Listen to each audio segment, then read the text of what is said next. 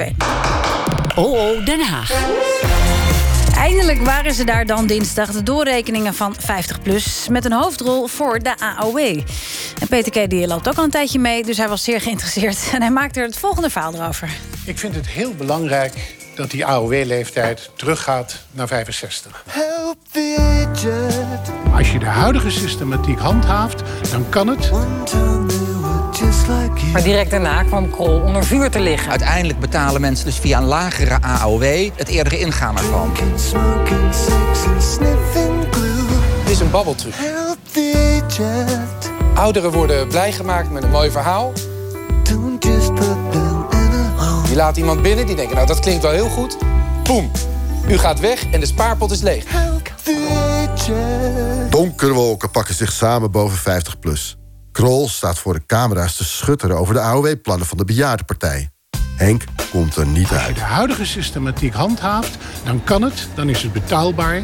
en is het dus geen onzinnige gedachte. Iedereen kan wel eens een keer een eh, niet geheel correcte formulering gebruiken. Al 30 jaar is er geen welvaartsvaste ontwikkeling van de AOW... maar volgt de AOW alleen de cao-lonen. Dat is al schandalig, maar dat kan dus wel. Hij had dit anders moeten formuleren. Eh, deze formulering heeft eh, aanleiding gegeven tot misverstanden. Dus bij deze gecorrigeerd. Partijvoorzitter Nagel en pensioenpitbull Martin van Rooyen... proberen donderdag te redden wat er te redden valt. Terwijl lijsttrekker Krol thuis strafregels zit te schrijven. De persconferentie en een tv-optreden zijn door Nagel uit zijn agenda geschrapt. Iedere politicus weet, van de AOW blijf je af met je tengels. En dat zit zo. Het AOW-verhaal begint in 1947 bij premier Drees. Hij komt met een noodwet voor een staatspensioen. En de noodvoorziening berustte toen op de gedachte... men moet allen helpen, onverschillig wat ze geweest zijn... loonarbeider of zelfstandige. Men moet allen helpen, ook degene die huisvrouw geweest zijn bijvoorbeeld. Vervolgens wordt er tien jaar gestreden door Drees voor de AOW. In 1957 is het dan zover. Natuurlijk, wij zijn er verheugd over dat na jarenlange verdeeldheid en strijd... die strijd nu wordt beslist en de verzorging van de oude vandaag... een aanmerkelijke verbetering zal ondergaan. Met aantekening dat dominee Zand en zijn politieke vriend daartegen waren... werd de ouderdomswet tenslotte zonder hoofdelijke stemming aangenomen. Door de ongelukkige woordcombinatie oud en arm zal zij verdwenen. En toen moest de voorzitter de vergadering voor korte tijd schorsen... want iedereen wilde minister Suurhoff de hand drukken... en hem gelukwensen met de aanvaarding van dit wetsontwerp van nationale betekenis.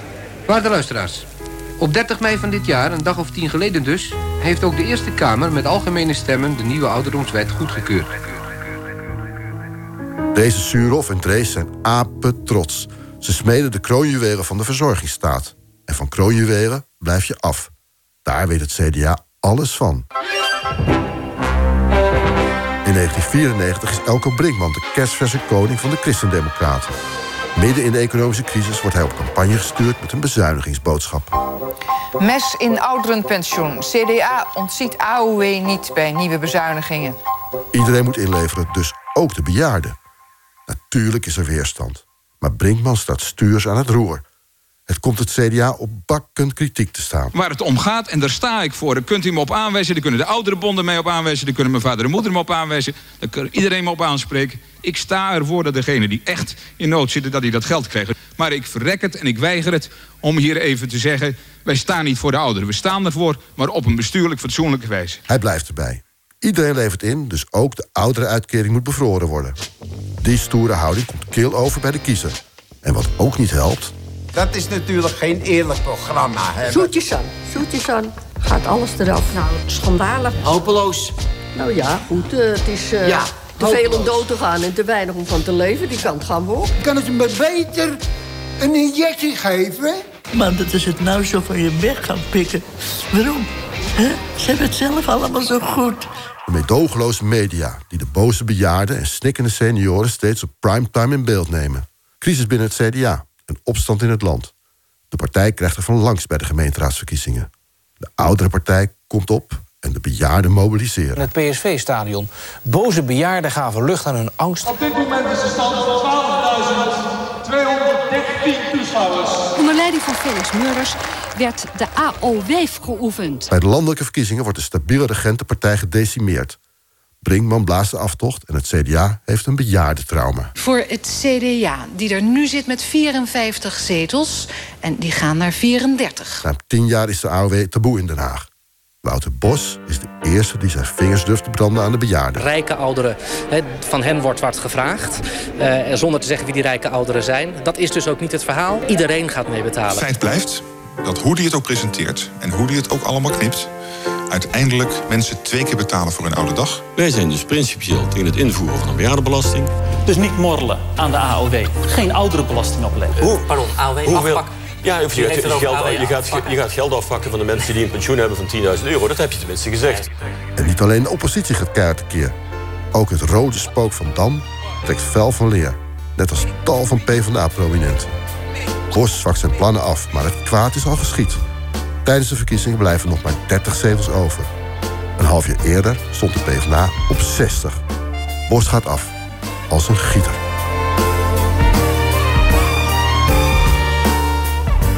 Daarom heeft Henk heel hard getraind. Hij las pensioenen voor dummies en studeerde keihard op de berekeningen. En toch gaat hij deze dinsdag keihard onderuit. Uw AOW-plannen, of in ieder geval de plannen waar u om gevraagd hebt... daar staat toch voorwaar in dat de AOW niet meer meestijgt met de welvaart. Wat zielig voor al die ouderen. U heeft het niet goed gelezen. Al 30 jaar gebeurt dat niet. Dat is al schandalig, maar dat kan dus wel. Politiek meesterbrein Jan Nagel en zijn vergrijsde vechthond Martin van Rooyen... doen heel hard hun best om die puinhoop weg te werken. Maar de vraag is of je als oudere partij overeind kunt blijven... als je zelf aan de AOW gaat knabbelen. Ja, mooi. Een reconstructie van de door de, de wol geverfde politiek commentator Peter K. en David van der Wilde, de mini-K. En meegeluisterd heeft Norbert Klein. Goedemiddag. Goedemiddag. Tweede Kamerlid, lijsttrekker namens de Vrijzinnige Partij. Ehm, u kent eh 50 plus van binnenuit, kan ik wel zeggen. Eh, Nou, kun je wel zeggen. Ja, dat kan ik wel zeggen, want wat was er ook weer aan de hand? Eh, tot en met juni 2014 was u fractievoorzitter van 50PLUS. En toen raakte u verwikkeld in, eh, nou, dat kunnen we wel stellen... een vechtscheiding met partijbaron Jan Nagel. En toen eh, ging u vervolgens alleen verder. Toch? Dat is in het kort het verhaal. In het heel, kort, heel, in het na- kort. Naar aanleiding van het vertrek van eh, Henk Krol als Kamerlid. Omdat Ja. hij eh, met zijn eh, pensioenafdrachten bij zijn werknemers in de periode daarvoor. zeg maar, ja, gut, daar hing een luchtje aan. Ja, precies. Maar goed, in ieder geval door, door, door partijbaron Jan Nagel op een zijspoor gezet. Je zou dus kunnen denken als argeloze luisteraar... u heeft nog wel even een appeltje te schillen met eh, meneer Nagel. Nee, nee, appeltjes schillen doen we niet. Dat- dat is ook helemaal geen, heeft, leidt ook helemaal tot niks. Eh, wat wel goed is, is om te laten zien wat er nou feitelijk gebeurd is... en wat voor een eh, mechanismen er zijn. Ik heb natuurlijk nou twee jaar kunnen analyseren en kijken... van wat is er nou eigenlijk gebeurd? Hoe is Ja. nou die situatie ontstaan? En dat heb ik nou eh, van de week ook gepresenteerd in mijn boek eh, Out of Ja. the Box. Laten we even kijken naar wat er deze week gebeurd is. Hè? Want dat, daar valt veel over te zeggen. Ehm, eerst even dat moment. Het moment dat de pleuris uitbrak, eh, om het maar zo te zeggen, bij 50PLUS. Henk Krol die, die suggereerde eh, dinsdag... ehm, dat hij de welvaartsvaste AOW liet varen. Dus toen, nou, u zag hem in beeld en dan zei hij... er moet gekozen worden tussen twee kwaden. Ehm, helemaal niet het verhaal natuurlijk van zijn partij. Wat dacht u toen u dat zag? Eh, herkenbaar. Henk Krol eh, is altijd een hele, in mijn periode, toen ik ook Kamerlid was voor 50 plus, zeg maar het uithangbord van 50 plus. Dus de inhoud van het winkeltje, dat deed ik. Eh, dus dat is een groot verschil. Dus u Ja, zegt eigenlijk dat, dat hij de gegevens niet zo goed kende die u wel kent? Ja. Hij, hij is een uithangbord, hij weet niet precies waar Ja, hij nou, dat is een uitspraak van hemzelf, eh, gedaan in het eh, programma van, eh, van Jeroen Pauw eh, destijds. Ja. Ik ken het programma. jij kent dat? ja. Eh, en eh, dus dat betekent eh, dat, dat dat ook een heel duidelijk iedere keer een terugkerend eh, mechanisme is. Niet de feiten kennen, gewoon wel het uithangbord zijn. En ja, hij kan heel eh, trouwhartig eh, de Kamer... Maar als Jan Nagel dat weet, dan is het toch heel dom om hem op de camera's af te sturen... terwijl hij de boodschap niet kent. Ja, maar hij is wel lijsttrekker. Eh, een lijsttrekker is boegbeeld. En, ja, en je hoopt iedere keer dat, eh, dat het goed gaat. Kijk, en waar het gaat over de emotie. Hè, dus zeggen van, oh, er zijn mensen die hebben een risico... die missen een stuk zekerheid. En die zekerheid kunnen wij bieden. Mhm. Nou, dat zijn mooie woorden, die kan ik ook zo uitspreken. Maar vervolgens, hoe maak je het waar? Nou, het begint natuurlijk al dat 50PLUS eh, weigerde om mee te doen... aan het doorrekeningen van het, het verkiezingsprogramma... Ja. aan het Centraal Planbureau. Wat de Vrijzinnige Partij wel gedaan dan niet. Nee, maar het gaat er nu even om dat Krol daar staat... terwijl hij eigenlijk te weinig gegevens in handen heeft. En je, zou denken, Nagel neemt het met hem door. Die oefent hem met hem om, eh, om daar een goed optreden te Ik verzorgen. denk dat hij wel genoeg gegevens eh, heeft, eh, maar vervolgens moet je het ook nog begrijpen. En dat doet hij niet? Nou, dat is gebleken. Eh, eh, kijk, de, de, de, ze mensen van de Universiteit eh, Tilburg ingeschakeld... om eens eventjes goed door te rekenen. Maar ja, hoogleraren schijnen ook al verkeerde informatie door te geven. Maar goed, meneer Klein, u zegt van hij is het uithangbord en hij had het moeten weten, maar eh, hij wist het niet. Maar wat is dan de rol van Jan Nagel hierin? Want die moet hem toch, dat is toch de grote, de heer die aan het touwtje trekt achter de schermen. Dus die had hem toch gewoon moet, goed moeten voorbereiden. Waar is dat dan denkt u? Ja, dat laatste kan ik niet beoordelen hoe het eh, dan eh, fout is gegaan. Want het heeft natuurlijk ook met de psyche en de houding van, eh, van meneer Krol zelf te maken. Eh, ik denk dat eh, Jan Nagel wel degelijk samen met Martin van Rooyen... die, De financiële man. ook eh, ja, een heel verstandige meneer... eh, vroeger ook staatssecretaris bij het CDA geweest... Ja. eh, dat die dat goed hebben doorgenomen. En dat ze dachten van nou, dit hebben we wel in de vingers. Maar ja, dus niet. Want zo deden Ehm, u dat vroeger ook in de praktijk? U heeft met, nou met hem samengewerkt? Eh, waar het gaat over eh, de gewoon inhoudelijke dingen, deed ik dat met Nagel eh, inderdaad. Sterker nog, eh, ik zat in, het, eh, in de commissie voor het verkiezingsprogramma en Henk Krol niet. Men, ik, wacht even want eh, dit is leuk. ik krijg iets in mijn oor, namelijk de regisseur zegt... er hangt iemand aan de telefoon, die heeft net ingebeld. Meneer Nagel, Jan Nagel, goedemiddag. Goedemiddag. Hallo, u zat te luisteren en u dacht, ik wil graag even reageren. Ja, ik heb drie korte opmerkingen. Nou. Eh Elko Brinkman wordt er net uitvoerig bij gehaald. En die had het over een lagere AOW. Het verschil met 50PLUS is dat wij juist de AOW omhoog willen hebben, welvaartsvast. Dat hebben we niet deze week bedacht. Dat stond al eh, maanden geleden in ons verkiezingsprogramma. En in de tweede plaats willen wij dat op 65. Dus dat is een heel groot verschil met Brinkman. En ja, ik eh, ben het met Norbert Klein eens dat we niet moeten gaan eh, appelen schillen, of hoe je dat noemde. Maar ik vind dat enige bescheidenheid bij Norbert Klein eh, best zou passen. We zijn twee jaar geleden gesplitst in twee fracties van één lid.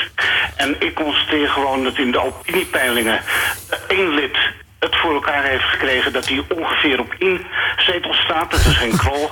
En Ja. één lid wat zich afgescheiden heeft, dat hij in de peilingen op nul staat. Al maandenlang. Dat- Ik snap dat u dat even eh, kwijt wil, maar nog even, want dat is wel de grootste kritiek die we hier horen aan tafel. Is dat meneer Klein zegt, ja, Henk Rol is gewoon niet meer dan een uithangbord. Verder niks. Nee hoor, eh, dat, is, dat is nou juist wat ik net betoog. Eh 50PLUS staat in de peilingen op 10 zetels. En dat komt omdat Henk Krol zeer hard inhoudelijk in de Kamer heeft gewerkt. Anders konden wij nooit op 10 zetels staan. En de heer Klein was helaas voor hem onzichtbaar. En staat overal in de Maar peilingen op nul. als hij, als hij zeer inhoudelijk heeft gewerkt... hoe kan het dan dat ik hem zie schreeuwen tegen Ascher... en, eh, en zegt, u liegt, u liegt, het is maar 3 miljard wat de AOW gaat kosten. En dan zie je Ascher, Ascher heel rustig blijven... en dan blijkt vervolgens ook de volgende dag dat Ascher volstrekt gelijk Dat heeft. het toch Dus 12 miljard is. Wat, Ja. Dus wat gaat daar dan fout? Mag ik u even het volgende zeggen? Het is jammer dat eh, Peter K.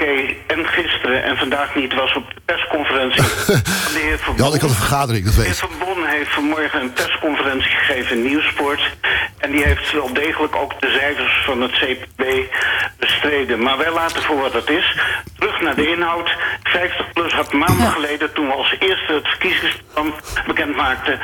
terug naar 65 en welvaartsvast omhoog. En dat standpunt, dat houden wij eh, uiteraard tot 15 maart... maar ook nog eens een keer na 15 maart. Ja, ja maar Jan, bedoel, dat is nou net het probleem. Krol zei in de Kamer, voor camera's, welvaartsvast kunnen we niet garanderen. We moeten kiezen uit twee kwaden, of 65 jaar, of welvaartsvast. Daar, daar begon het allemaal mee, Jan. Dus daar ging het mis. En dat nou dan... als u er gisteren was geweest... gisteren is gezegd op een conferentie... dit is inmiddels gecorrigeerd, we komen er niet op terug. En dan is het een beetje flauw om drie dagen na een gecorrigeerde uitspraak... te doen of die uitspraak nog steeds bestaat. Het beeld bij de kiezers blijven hangen dat, dat je niet gegarandeerd bent van je pensioen bij, bij 50 plus, Jan. Ook door Henk Krol, die heeft dat dezelfde dag in een persbericht en op een filmpje op de website gezegd. Zo en zo zit het. Heeft het gecorrigeerd. En dat is een beetje flauw om drie dagen later nog net te doen alsof dat niet... Jij weet hoe belangrijk framing is in de politiek, Jan. En hoe, belang- hoe, een- hoe een beeld kan blijven hangen. Ja, eh, kennelijk als je dat maar voor de radio blijft toeteren... eh, eerlijke journalistiek pleegt... dan zeg je, 50PLUS had dat in zijn verkiezingsprogramma... Ja. Keer niet goed geformuleerd, maar onmiddellijk gecorrigeerd. Dus het standpunt van 50PLUS is 65 jaar en welvaartsvast. Ja. Dat is Maar het. wat en het- al het gezeur over drie dagen geleden, dat was... Ja, eh, dat, dat, dat is inmiddels duidelijk, die drie dagen. Maar wat er nou Gaat het- terug natuurlijk is aan, aan, aan- Ja, aan met- dat standpunt. meneer Klein. Nou ja, het standpunt is eh, dat dus 65 jaar voor eh, eh, de partij van eh, Jan Nagel een breekpunt is. En dat ze ook Mm. zeggen van nou, wij gaan niet in het kabinet zitten als we niet die 65 jaar eh, eh, terugkrijgen. Nou, dat betekent dus heel erg, heel simpel, dat dus zij niet in het kabinet kunnen gaan zitten. Wat ik begrepen heb van de andere partijen die zeggen van... nou, wij gaan eh, eh, niet naar 65 jaar. Dus dat betekent dat alle mensen die op dit moment gepensioneerd zijn... waar dat hele punt van 65 jaar helemaal niet speelt... want die zijn al 65 jaar eh, geweest... dat die dus helemaal niets aan 50 plus hebben. Want ze gaan niet in het kabinet, ze gaan niet dingen, acties ondernemen. Kortom, daar, gaan ze, daar heb je helemaal niks aan. Meneer Nagel? Eh, dit is groot mogelijk onzin. Eh, wij maken dit punt tot de inzet van de verkiezingen. En als voldoende mensen en de meerderheid van de kiezers wil dat het 65 wordt, dat kun je niet negeren. Als die voldoende op 50 plus stemmen en wij worden 10 of meer zetels, dan kan men gewoon niet om 50 plus heen. De PVV wordt al uitgesloten, eh, SP sluit eh, de VVD uit.